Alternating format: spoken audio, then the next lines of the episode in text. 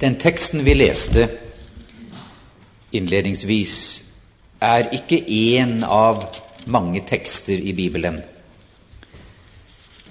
Det er kanskje en tekst som gir oss selve kjernen, rammen, på hva evangeliet er for hver enkelt av oss. Jeg tror denne teksten må sees i en sammenheng. Den er hentet ut av en helt spesiell sammenheng og bør også tolkes og forstås i denne sammenheng. Dette verset om å bli født på ny, dette verset som forteller oss at alt det Gud er, det Gud har tilbudt, dette mirakelet, denne erfaringen, at mitt hjerte blir nytt, at Gud kommer inn og gjør noe i meg som jeg ikke kan gjøre selv. Dette budskapet er ikke og må aldri ses på som ett av mange likestilte sannheter i Guds ord. Det er evangeliet konsentrert. Det er det Jesu tilbud betyr for deg og meg. Et nytt liv, et nytt hjerte, et mirakel som Gud står for, som gjør noe med deg og meg som betyr en uendelig stor forandring i våre liv. Det er så mange, og jeg har kanskje selv eh, gjort dette i min forkynnelse fra tid til annen Vi ser på denne, dette tilbudet Gud kommer med, som ett av 24, 26, 32, 38 doktriner, sannhetspunkter, som skal deles med mennesker. Og så kan det være vi glemmer at alt annet som står i Guds ord, alt annet mister sin betydning og sin verdi for det enkelte mennesket hvis denne erfaringen ikke oppleves og eies. At jeg vet min synd er tilgitt, min skyld er tatt bort, jeg tilhører Jesus Kristus, det nye livet har begynt, Mitt navn står i livets bok, jeg er hans. Dette er evangeliet oppfylt i denne ene erfaring som vi skal snakke litt sammen om i denne bibeltimen. Nå, Hvis disse påstandene er korrekte, hvis dette er det sentrale, det ene, som danner grunnvollen omkring alt vi som et kristent samfunn står for, så tror jeg tiden vår er vel anvendt når vi tar dette som et tema ved begynnelsen av dette årsmøtet. Vi skal i dette tredje kapitlet hos Johannes følge én persons opplevelse av tilbudet om å bli født på ny. Én persons erfaring når han ble konfrontert med himmelens sentrale budskap hva Gud vil med det enkelte mennesket. Denne personen har på en måte en viss parallell i våre liv. Den personen vi skal lese om, hadde en forståelse av Skriften, hadde en forståelse av sitt eget kall, hadde frimodighet, om du vil, og tro at han tilhørte Guds spesielle folk, som hadde fått et spesielt budskap for en spesiell tid. Og allikevel finner denne personen i denne erfaringen vi skal studere, at Gud tydeligvis har noe mer å gi. Gud har noe dypere, noe mer personlig, større kraft, en, en fornyet opplevelse med ham som Nikodemus, som vi skal snakke om, hadde behov for, til tross for at han var blant Guds folk og en av de som var en lærer i Israel og delte Guds budskap med sine medmennesker. Jeg tror det er nødvendig i det vi begynner eh, studiet av dette kapitlet, å prøve å få en liten bakgrunn. Det er nemlig slik, ser du, at når Gud gir et budskap, så er ikke dette budskapet nøytralt for personen som formidler det. Og jeg tror vi kan finne i dette kapitlet at budbæreren, som er Johannes i dette spesielle tilfellet, farget det budskapet Gud ga ham å formidle. Og det er alltid slik. Personens erfaringer, legning, holdning, opplevelser blir en del av, er det som velger prioriteter og ord og fremgangsmåte når Guds budskap formidles. Og Gud ville det skulle være slik. Det er derfor vi har fire evangelier. Det var menn som så det samme, som delte de samme erfaringene, som opplevde hvem menneskesønnen var. Og allikevel så er de så forskjellige fordi redskapet er ulikt i hver enkelt situasjon. La oss begynne med å se litt på Johannes. I hvert fall så regner vi med, og det er vel godt akseptert, at det var Johannes som skrev dette fjerde evangeliet.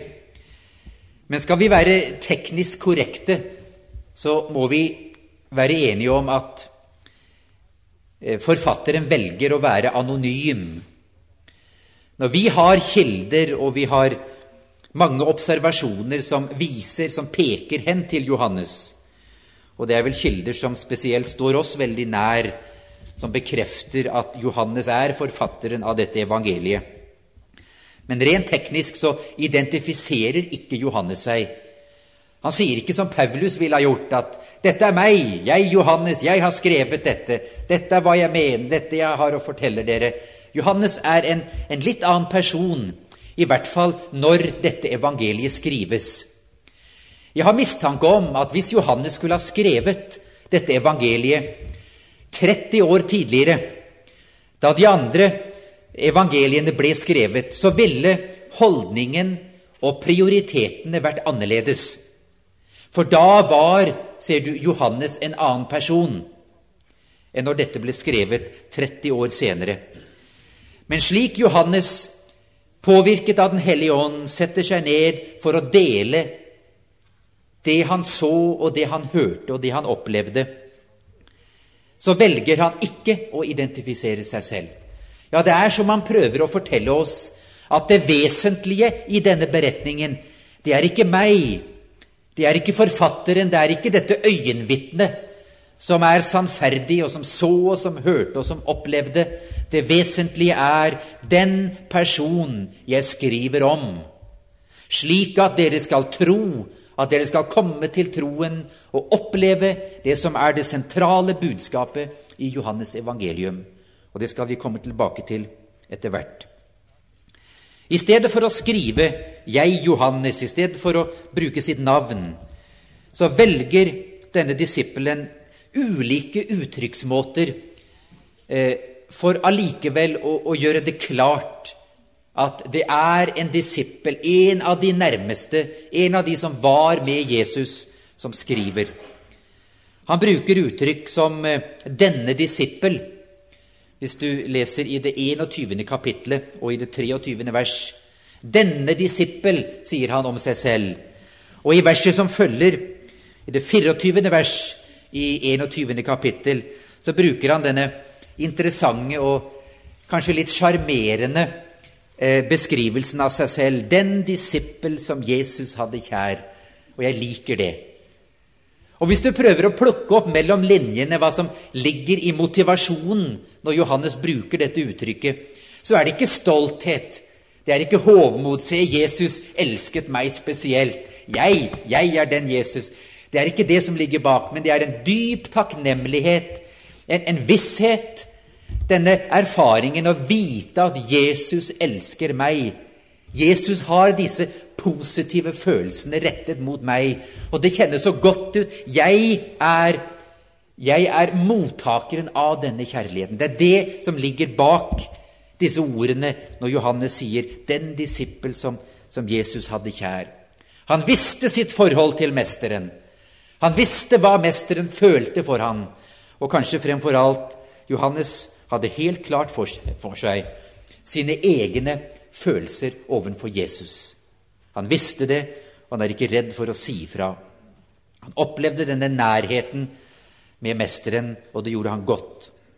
Nå Videre i det, i det 20. verset i det 21. kapittelet så sier eh, Johannes den disippel som, som vitner om disse ting, og som har skrevet dette, prøver å være nøytral og anonym, men allikevel ønsker å få fram at 'jeg har sett, jeg har hørt, det er sannhet, det jeg skriver'. Det er ellers ikke så mye vi vet om Johannes. Det er små glimt vi har fått gjennom Bibelen og gjennom profetiens ånd. Vi vet at han var en av de berømte tordensønnene. Eh, jeg har igjen mistanke om at Johannes var en annen person når dette ble skrevet, enn da han vandret med Mesteren. Og selvfølgelig, de årene han var sammen med sin Herre, så gikk han igjennom en, en forandring som vi kan følge i evangeliene. Vi kan følge holdningen, overbevisningene, de nye opplevelsene, hvordan Johannes etter hvert begynner å få tak på hvem Jesus er, og hva Jesus vil. Men det er helt klart at han står fram i Bibelen som en litt spesiell person. Han var direkte. Han var 30 år før dette ble skrevet, ikke redd for å si ifra. Han ville gjerne bli sett, og han ville gjerne bli hørt. Det er en litt annen person som skriver dette evangeliet. Men da han vandret med Mesteren, så ønsket han å bli sett, og han ønsket å bli hørt. Han var kvikk, han kunne være litt uhøvlet rent sosialt. Men det var noe med Johannes som Jesus holdt så inderlig kjær. Johannes var dypt og ekte ærlig i sin framferd. Det var ikke noe, noe, ullent, det var ikke noe du liksom ikke fikk tak på ved Johannes. Han, han var en integrert person. Det var, det var en ekthet ved hans vesen. Når Johannes var sint, så visste alle at han var sint. Når Johannes var bedrøvet, så kunne alle se på han, og i løpet av ett sekund så kunne de vite at nå er Johannes bedrøvet. Denne ektheten han var tvers igjennom én ting. Og jeg må få lov å dele med dere en liten personlig følelse. Jeg har mistanke om at, at Jesus ikke bare satte pris på, men setter pris på denne, denne integriteten hos en person. Dette at, at, at det, det, er ikke noe falskt, det er ikke noe tilpasset. Man går ikke rundt og later som om hele tiden. Det er en, en ekthet, det er noe som er rent, som er åpent, som er ærlig. Jesus visste hva som bodde i denne disippel, og det var kanskje noe av grunnlaget for den vekst og den brukbarhet som Johannes eh, kunne være for Gud og for den kristne kirke. Han var en ekte person, og det kan vel være en liten parallell på en måte mellom denne spontane og ekte Johannes og Paulus, Paulus var også en person som gjorde ting helt og fullt, og var av stor brukbarhet for Den hellige ånd. Fordi jeg tror ikke Gud har så store problemer med, med en person som kan være litt uhøvlet og trenge å, å få slipt sine kanter.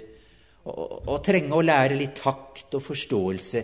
Det kan Gud så lett når han har kontroll, når det er en ærlighet og en villighet til å bli ledet. Villighet til å ta imot. Villighet til å, til å være det Gud vil. Så kan det være at disse uhøvlede trekk ikke er det store problemet for Den hellige ånd, fordi Gud har mulighet til å nå fram. Og slik har jeg mistanke om at det var med denne disippelen som skrev eh, det vi skal studere. Det er en grunn til at jeg bruker litt ekstra tid på denne bakgrunnen. Fordi det kommer fram, ser du, i det budskapet vi skal gå litt dypere inn i. Det er en annen ting vi bør merke oss ved Johannes. Og det kommer spesielt fram i budskapet om den nye fødsel, det å bli et nytt menneske i Jesus Kristus. Og det er det en del teologer har kalt eh, Johannes' løkteologi. Det høres rart ut, men det, begrepet beskriver denne, denne, teologiske tendensen til å, til å begrave sannheten i flere lag. Til å si mange ting som er helt forskjellige, men alt er sant. Og en del eh, observatører har sagt at teologer som er fanget i denne enten-eller-mentaliteten, eller som noen sier enten-eller-forbannelsen Det må være svart eller hvitt. Det må være enten-eller. Hvis det ikke kan settes i bås, så blir jeg urolig og frustrert. Det må være et enten-eller. Det må ha et navn. Må ta og føle på det. Teologer som ikke passer inn i dette mønsteret som Johannes skriver, og som må ha et enten-eller, de blir gjerne frustrert når de leser dette evangeliet. For Johannes er ikke slik. Johannes gir sannheten på forskjellig måte, og så må du begynne å sette sammen og si at alt dette er sant. Og når jeg setter det hele sammen, så får jeg en dypere forståelse av hva Gud vil, enn om jeg tok bare én del av denne sannheten. Nå, Nikodemus er det vi skal spesielt ta for oss. Og vi har ingen grunn til å tvile på at det vi leser her, er en sann beretning. Vi har imidlertid grunn til å tro at Johannes velger å beskrive det som skjedde, på en spesiell måte. Han skriver, ser du, for å møte spesielle behov. 30 år var gått siden disse synoptiske, hans kolleger, hadde skrevet de, tre første evangeliene. Og nye problemer hadde dukket opp i menigheten. Det var eh, hedenske måter å tenke på, fremmede filosofier.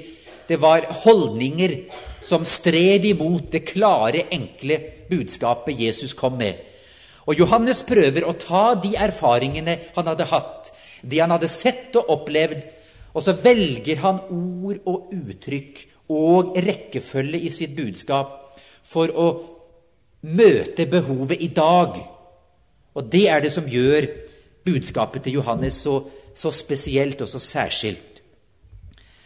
Nikodemus, denne jøden som har et gresk navn, og det var ikke så uvant at jøder tok greske navn. Og Hvis du skulle være interessert i det, så betyr Nikodemus dette navnet 'folkets hersker'. Og Jeg tror det ligger også litt i i, i denne tolkningen som vi skal komme til etter hvert. Nikodemus hadde lagt merke til Jesus. Han var, som du vet, en av fariseerne, en av de skriftlærde, tilhørte et spesielt politisk parti der i Jerusalem. Den indre sirkel han hadde Det var, det var Nikodemus, om du vil, som sto på talerstolen eh, sabbat formiddag for å dele Skriften. Han var ansett, han var aktet, han tilhørte en god familie, hadde en god utdanning. Han hadde vært gjennom både, både Veilefjord og Newbold og, og Andrews, om du vil. Han hadde papirene i orden. Han var en av de som visste, som forsto, som kunne. En av de utvalgte. En av de som sto fram i Guds navn for å dele sannheten med folket. Det var Nikodemus. Han er opptatt av Jesus. Hvis vi går til slutten av det andre kapitlet i Johannes evangelium og igjen Her så har vi denne, dette problemet med kapittelavdelingen.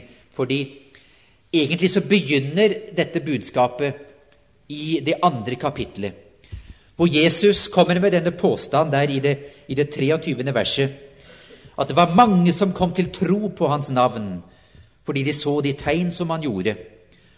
Og videre i det 25. vers sies det at Jesus trengte ikke andres vitnesbyrd om noe menneske, for han visste selv det som bodde i mennesket. Og så kommer denne beretningen for å vise, for å hjelpe oss å forstå at Jesus har det helt klart for seg hva som bor i deg og meg.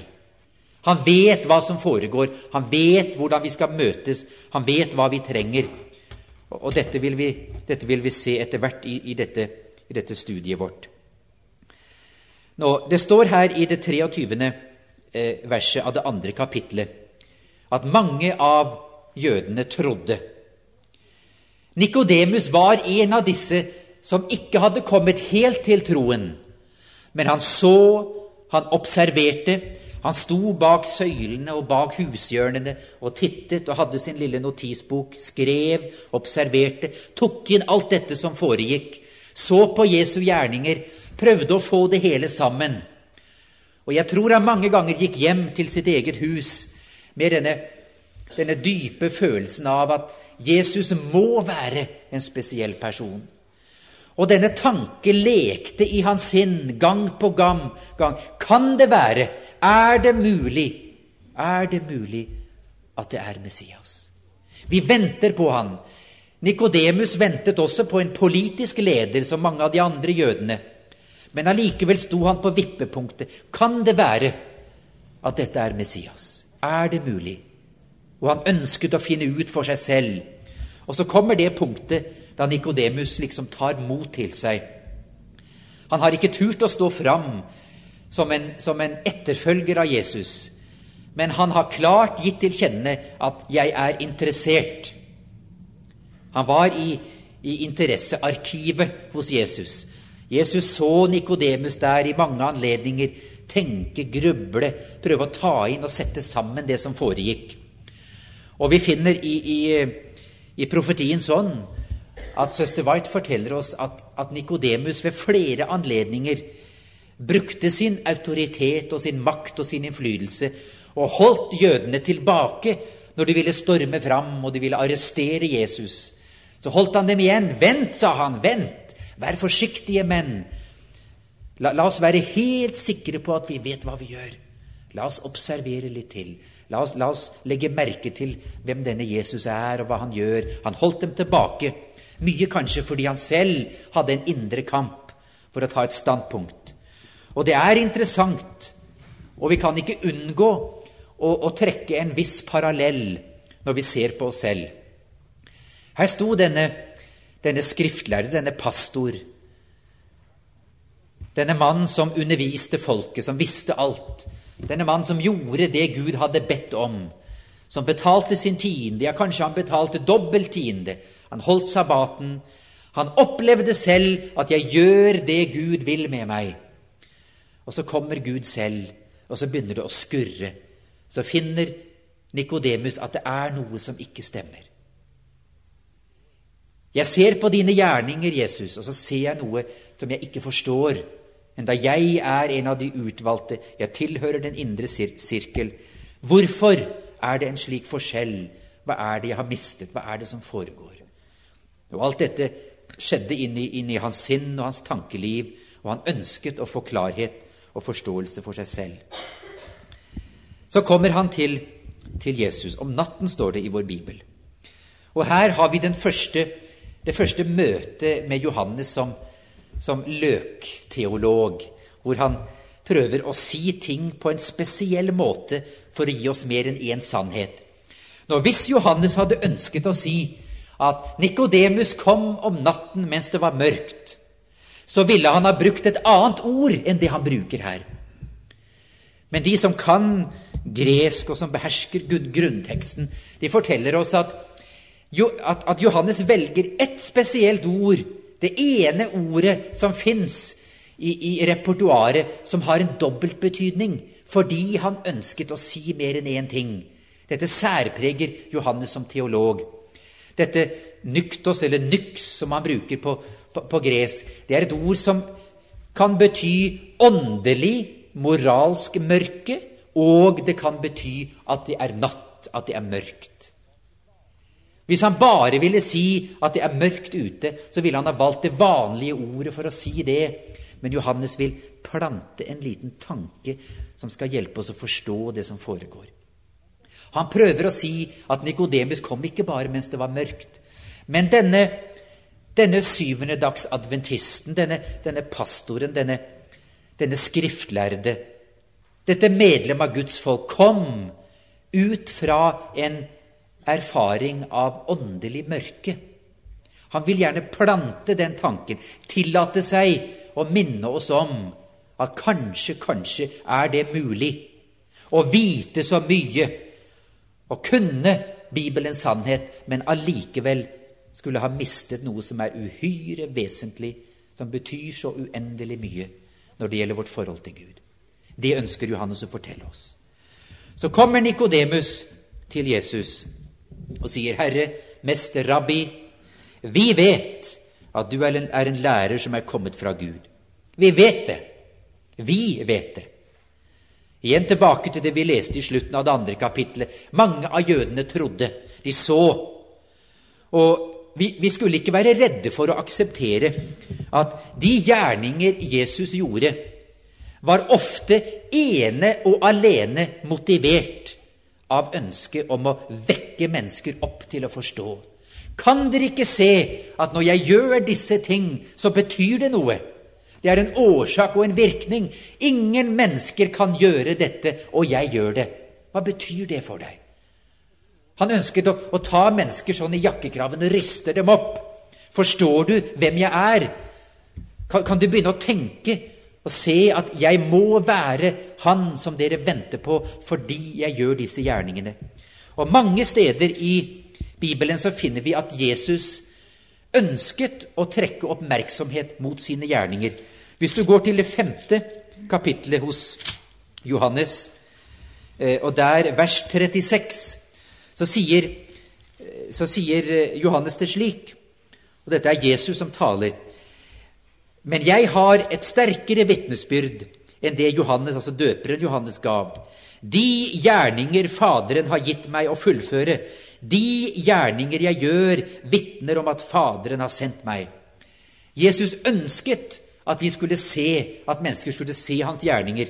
Og Hvis du går til det tiende kapitlet hos Johannes, så kommer det samme frem på en veldig direkte måte, hvor Jesus sier i det 37. og 38. vers Han sier til jødene.: Hvis jeg ikke gjør min fars gjerninger, så tro ikke på meg. Men hvis jeg gjør dem, så tro i det minste mine gjerninger.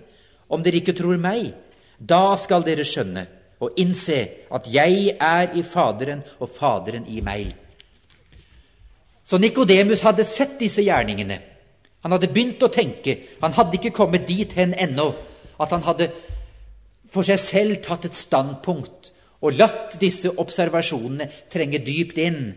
Men du ser, Nikodemus kom nærmere og nærmere og Det er derfor vi har dette interessante spillet mellom Jesus og Nikodemus. Fordi Jesus prøvde å, å trekke Nikodemus over denne barrieren og ta et personlig standpunkt til hvem Gud er, og hva Gud kan tilby. Et annet sted i evangeliene vet du hvordan Jesus sendte disiplene ut for å foreta en liten meningsmåling, en liten gallupundersøkelse. Det betød noe at, at, at folket gjorde seg opp en mening om hvem denne Jesus er. Det betød mye. Og han sa en gang til disiplene, 'Hvem sier folk at jeg er?'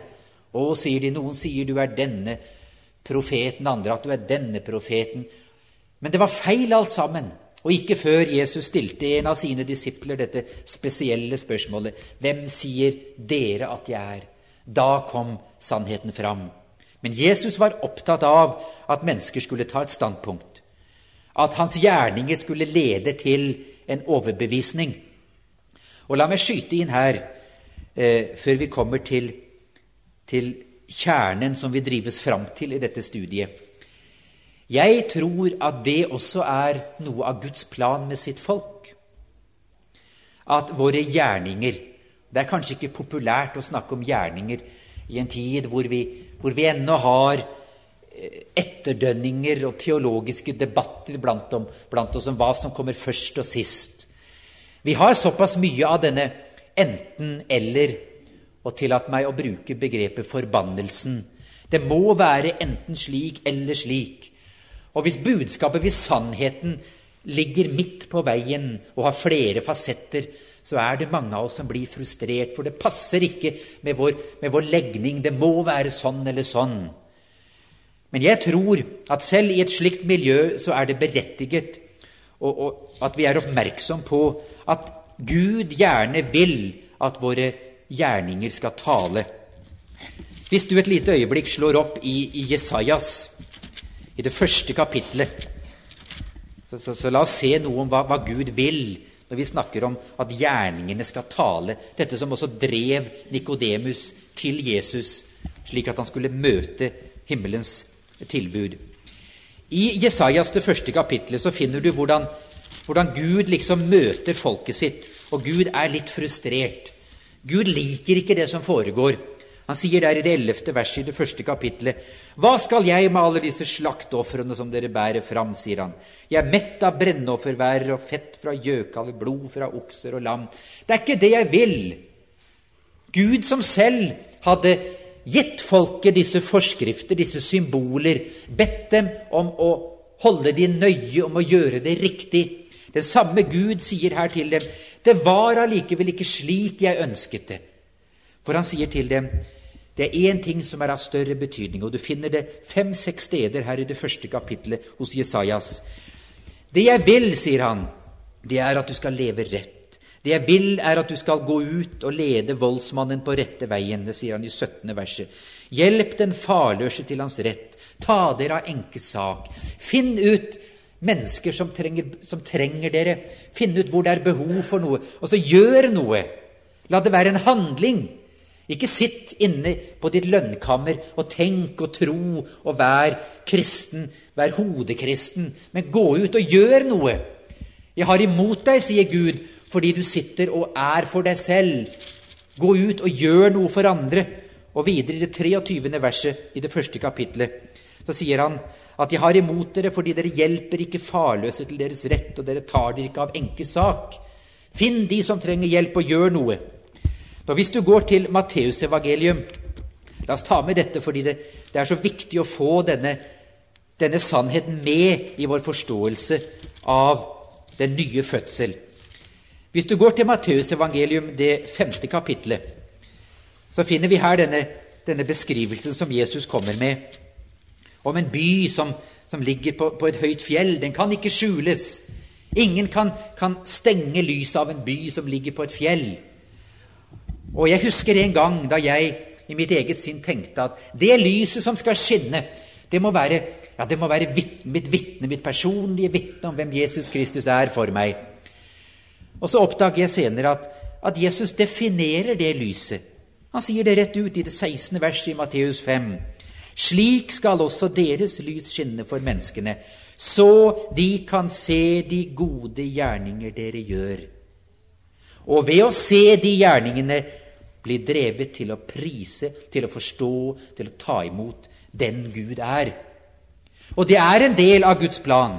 Og La oss også ta med eh, noen få vers her i Hebrebrevet, 11. kapittelet, og dette er kjente vers for oss, for oss syvendedagsadventister, hvor trosheltene blir nevnt, den ene etter den andre.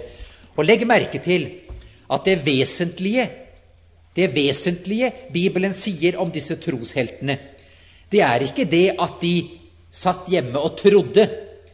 Ellevte kapittelet i det fjerde verset står det om Abel. I tro bar Abel fram. Handling, gjerningsord. Han bar fram i tro. Det var det som viste troens innhold. Det var det som definerte troen. Det var det som fortalte at troen er der. Hvis ikke gjerningsord, hvis ikke verbet sto der, så visste vi ikke at det var tro. Det er liksom to sider av samme sak, og vi må ikke tenke enten-eller. Vi, vi, må tenke begynnelse og resultat, årsak-virkning. Det er to sider av det samme. I det syvende verset i tro gjorde Noah hva? Han bygde. Gjerning, handlingsord. Han bygde. Derfor er han med i dette kapitlet. Åttende vers om Abraham. I tro var Abraham lydig da han ble kalt, så han satt hjemme i sitt telt og trodde. Nei, han dro. Han gikk, tok en beslutning, og så gjorde han noe. 17. verset. I tro bar Abraham fram Isak. 23. verset. I tro var det foreldrene til Moses gjemte gutten. Handlingen, gjerningen, som beviser at troen er der. Gud ville det skulle være slik. Det betyr noe for Gud. Og jeg tror vi skal se at mange av de mirakler som Jesus gjorde, var motivert av å nå fram, slik at mennesker skulle se og forstå Dette må være Messias. La oss gå tilbake til, til beretningen om Nikodemus. Og, og, nå begynner det i grunn å, å bli litt spennende her. Nikodemus kommer med sine høflighetsfraser, gjør til kjenne at 'jeg vet at du er noe spesielt, Jesus'. 'Vi har sett deg, jeg har observert deg, men jeg forstår ikke'. Og så er det som om Jesus ser rett inn i denne fariseers hjerte. Ser rett inn. Han bryr seg ikke om disse symptomene, disse frasene og klisjeene, uniformen, dette som Nikodemus gled så fint inn i. Men Jesus kutter rett igjennom. Det var det samme han gjorde vet du, med denne kvinnen som jødene kom med, som var tatt i å drive hor. Han kuttet dette, denne syndige handlings symptom. Han gikk rett til sak. Helt, helt til bunns. Samaritanske kvinne kuttet igjennom for å nå fram til kjernen, for han ønsker forandring.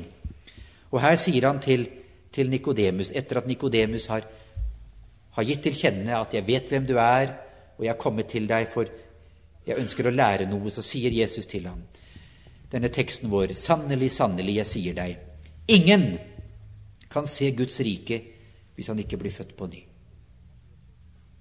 Og det kan umiddelbart rent teknisk se ut som om Jesus skyter bom. Det, det, det var ikke det Nikodemus var opptatt av. Å jo, det var det det var. Han følte her inne 'Hvem er jeg?' Det er noe Gud har å tilby som ikke er mitt.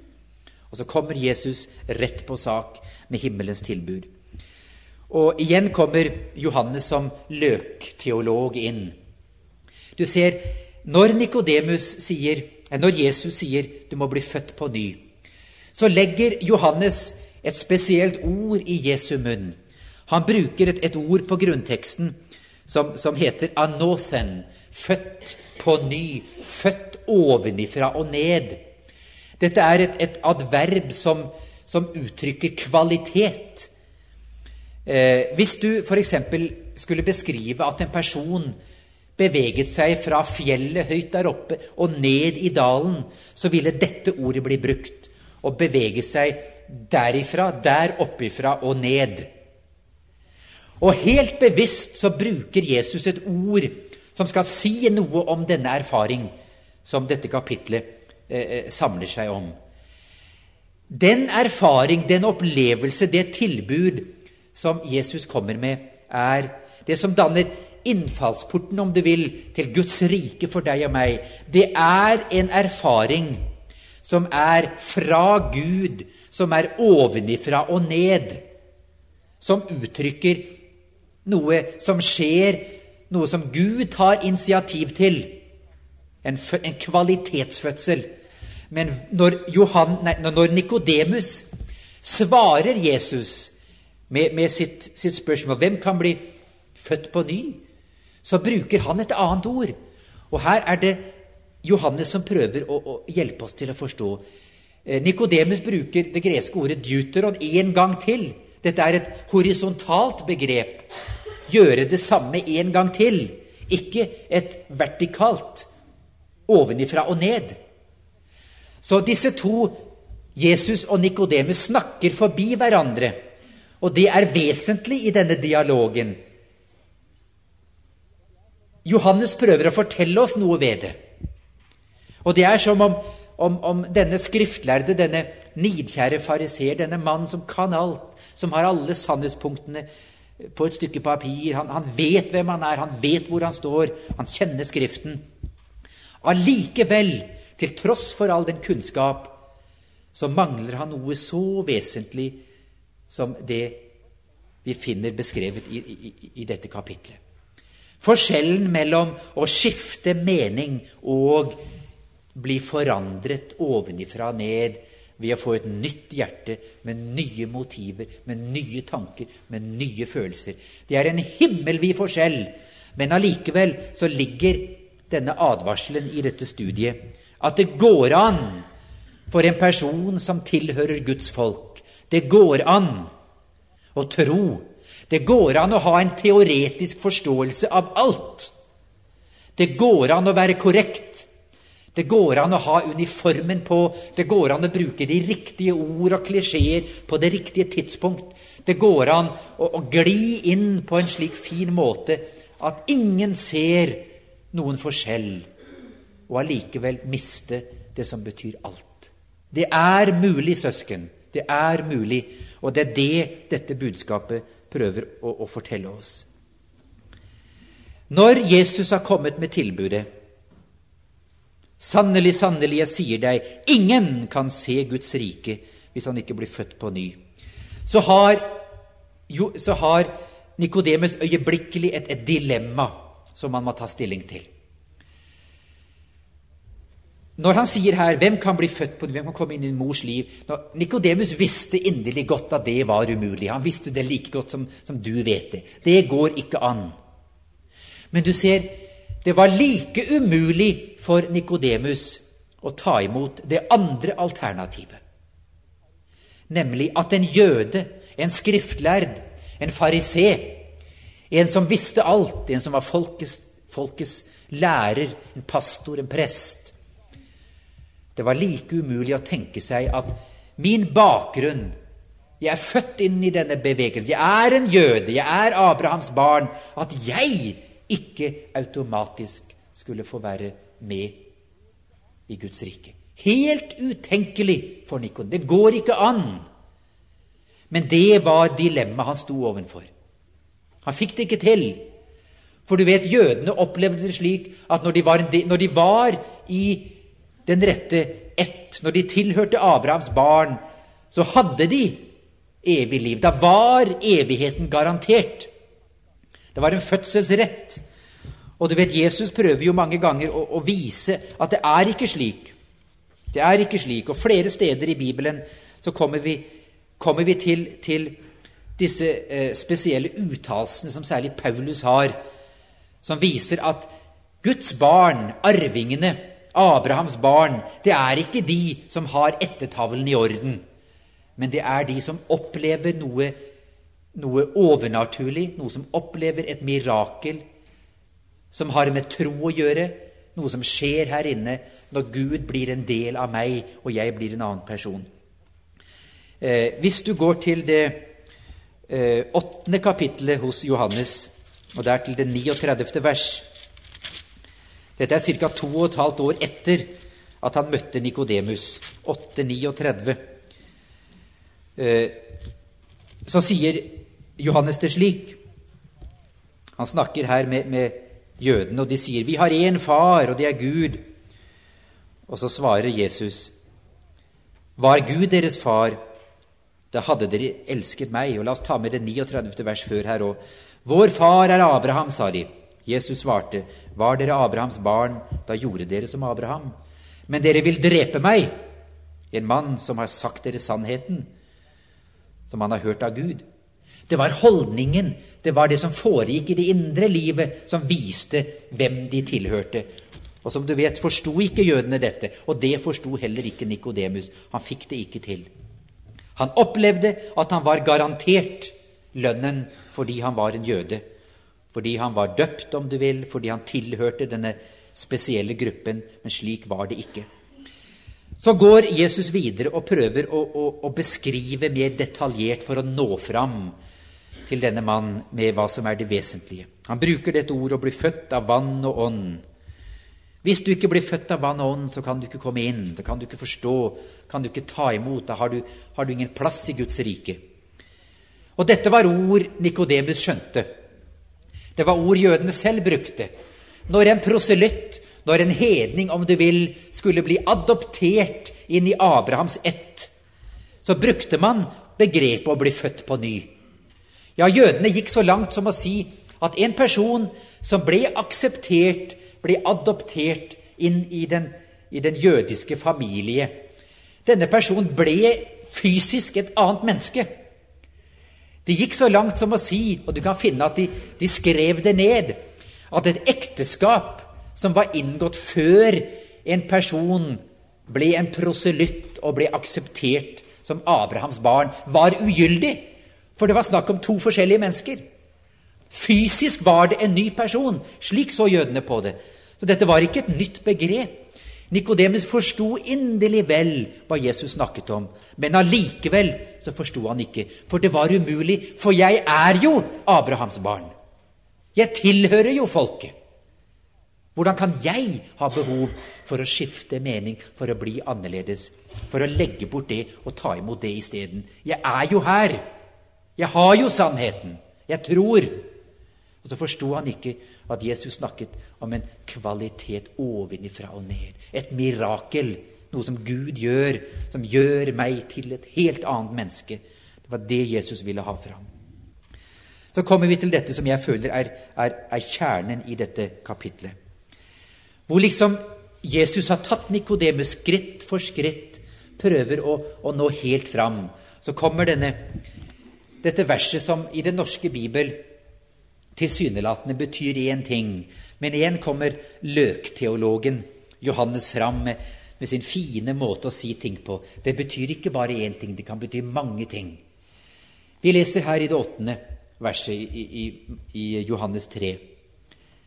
Da Jesus liksom skal trekke alle trådene sammen og vise, prøve å nå fram til Nikodemus. Forstår du ikke, Nikodemus, hva det er som foregår? Forstår du ikke hva du trenger? Og så sier han Vinden blåser dit den vil. Du hører den suser, men du vet ikke hvor den kommer fra, og hvor den farer hen. Slik er det med den som blir født av Ånden. Og jeg tror at Nikodemus forsto dybdene i dette verset. Nå, Du kan finne andre bibeloversettelser som velger en annen tolkning, og det er helt i orden. Du har mange forskjellige måter å tolke det verset på, og alt er riktig. Fordi, fordi Johannes bruker, velger ord som har mange meninger. Fordi hver enkelt tolkning gir oss én fasett av budskapet. Men dessverre, i den norske og så tror jeg i den danske bibel, så er det bare denne ene tolkningen som kommer fram. Og det er riktig, men det er også andre, andre sannheter skjult i dette verset som er riktige. Dette ordet 'vind' er, som mange av dere vet, et ord som på grunnteksten også kan bety ånd. Det er nøyaktig det samme ordet 'vind' og 'ånd'. Nøyaktig det samme ordet. Ingen forskjell. Eh, ordet 'å blåse', vinden blåser, det er et ord som også betyr å lede. Hvis du tar en blind mann ved hånden og leder han nedover veien, så er dette ordet det ordet som vil brukes. Å lede, blåse, bevege. Du kan se bladene blåse bortover, de beveger seg. Det er dette ordet som, som uttrykker alle disse meningene. Og dette ordet å suse, som det står i den norske bibelen. Du hører den suser, du hører lyden av vinden. Eh, suse, lyd, stemme. Det som når øret, det er, det er ett ord som kan brukes på mange forskjellige måter. Så vi kan lese dette åttende verset i Johannes 3 på følgende måte. Det er grammatisk riktig, og en del teologer sier at det er mer i samsvar med helheten enn den tolkningen vi har funnet i vår bibel. Vi kan lese her at Jesus sier, 'Nikodemus, skjønner du ikke hva dette dreier seg om?' Du ser, Ånden leder dit han vil. Og du, Nikodemus, du hører Åndens stemme, og du lyder. Du lar deg lede. Slik, Nikodemus, er det med enhver som er født ovenifra og ned. Ikke skifte mening, ikke deuteron, men ovenifra og ned, født på ny, født av Gud. Kan du se hvordan, hvordan Johannes prøver å si oss noe? Det er sant at du kan ikke se Åndens virkning. Det er sant at du kun kan se resultatet. Du kan se bladene som blåser. Du kan ikke se vinden, du kan ikke se ånden. Du kan se resultatet av det indre liv. Du kan se gjerningene, fruktene. Men det er også sant at den nye fødsel er definert i at Gud tar over kontroll. Stemmer ikke det? Den hellige ånd tar over. Det er slik det er, Nikodemus. Det er ikke nok at du har din liste med alle disse sannhetspunktene, at du passer på å gjøre det da og det da, husker på ikke å gjøre det, følge ritualene, gjør alt det som du skal gjøre, som er riktig og som er godt. Det er ikke nok. Det du savner, sier Jesus til denne skriftlæreren, til denne denne Guds mann, det er en erfaring hvor du blir ingenting. Hvor du faller i støv og blir knust. Hvor Den hellige ånd tar over all kontroll i ditt liv. Slik at det er Ånden som leder dit Han vil. Og du er lydig og ydmyk. Du lar deg lede og bruke fordi Gud har full kontroll. Og så sier Johannes ingen kan se Guds rike hvis ikke denne erfaringen er vår, er din og min. Føler ikke du at det er et, et uhyre aktuelt og vesentlig budskap vi skal møte oss selv med ved begynnelsen av disse, disse årsmøtene? At det det hele bygger på, alt det vi skal gjøre for Gud, alt det Gud har bedt oss om å utføre og avslutte dette verket, alt bygger på dette ene at Gud har full kontroll. Det er Gud som styrer, at det er Gud som leder. Ikke jeg. Og vet du, Jeg har opplevd i mitt eget liv gang på gang at jeg har sett mitt store behov for å begynne på nytt med Gud. Ikke å skifte mening om hva som er rett og galt, men begynne på nytt ved at jeg kan komme til Jesus og legge meg ned foran hans føtter og si, 'Jesus, her er jeg igjen. Slik er jeg. Se på meg. Jeg har, jeg har dette, og jeg har hint. Jeg er ikke slik du vil jeg skal være, men jeg er meg. Og det er én ting jeg ønsker, Gud, og det er å bli ledet av deg. Det er én ting jeg vil, og det er at du skal ha full kontroll i mitt liv. Og at jeg kan legge meg selv, bekjenne min synd framfor Gud og oppleve at Han ennå en gang tar over og gir meg vissheten om at jeg er ren Min synd er tilgitt. Jeg er født på ny. Jeg tilhører ham. Jeg er hans barn. Og mitt navn står skrevet i livets bok. At denne erfaringen, som ikke er en engangserfaring, men som er, om du vil, en erfaring som hver dag må danne grunnlaget for det å være meg som en kristen. At det er det vi blir henledet til i dette kapitlet. Og så tar vi også imot denne, denne utfordringen, dette at vi, vi, vi aksepterer at det går an å kunne så mye og allikevel ikke eie Jesus Kristus. Det går an. Og heldigvis så blir vi fortalt at det er ikke opp til deg og meg å dømme hverandre. Det er Gud som skal gjøre det. Gud skal foreta denne adskillelsen når han ønsker det, men det er ikke opp til deg og meg. Mitt ansvar er for meg og mitt forhold til Gud. Og når jeg opplever at jeg er hans, så vet jeg at Gud vil kunne bruke meg. Når vi leser videre i dette kapitlet, så finner vi at, at Nikodemus er like ved å forstå. Han er like ved å se, og så sier han Hvordan kan dette skje? Hvordan kan det skje? Jeg forstår det er noe jeg ikke har, til tross for alt jeg har. Hvordan kan det skje? Og så kommer denne lille reprimanden, som du og jeg kan vurdere for oss selv. Du er en lærer for Israel og vet ikke det. Er du en lærer for Er du et Guds barn? Tilhører du Guds folk? Og så vet du ikke det som er grunnlaget for alt! Det som åpner himmelens port for oss, det er at vi kjenner Jesus Kristus. Det er jo det som er evangeliet. Vet du ikke det? Og så finner vi at denne dialogen mellom Jesus og Nikodemus den glir over til å bli en monolog. Ja, Det er som om Nikodemus på dette tidspunkt bare glir ut i natten hvor han kom fra. Han orket ikke denne erfaringen å bli tilintetgjort slik at Gud skulle bli alt. Han orket ikke. Men vi finner at han kommer tilbake. Kommer tilbake. Og som vi leser senere i dette kapitlet, når menneskesønnen ble løftet opp en stund senere, så står Nikodemus der. Så setter han det hele sammen, så forstår han jo, det var Messias, det er Messias. Og så blir han en trofast tilhenger. Og vet du, Det kan være at du og jeg også går gjennom en slik prosess, hvor vi kommer nærmere og nærmere å oppleve å leve i tilgivelseserfaring. Opplever å leve i det nye livet dag for dag. Men allikevel kommer perioder av våre liv hvor vi liksom stopper og holder igjen. Jeg ønsker på denne formiddagsstunden å legge meg selv i Guds hender på nytt. Og be om en ny fylde av Den hellige ånd i mitt liv. Be om en dåp av Den hellige ånd. Be om å bli tømt for meg, slik at Gud kan bli alt. Og når vi samles i bønnegrupper nå etterpå, så spørs det om ikke vi skal la denne utfordringen fra himmelen nå dypt inni oss. Alt det vi ønsker å gjøre, det kan være at Gud kan gjøre det for oss. Kan det være et alternativ til, alt, til, til det å slite og kjempe? Dette å ta seg sammen, sukke og stønne. Det er så mye vi skal gjøre. Verket er så stort. Vi strever og arbeider. Det er så hardt.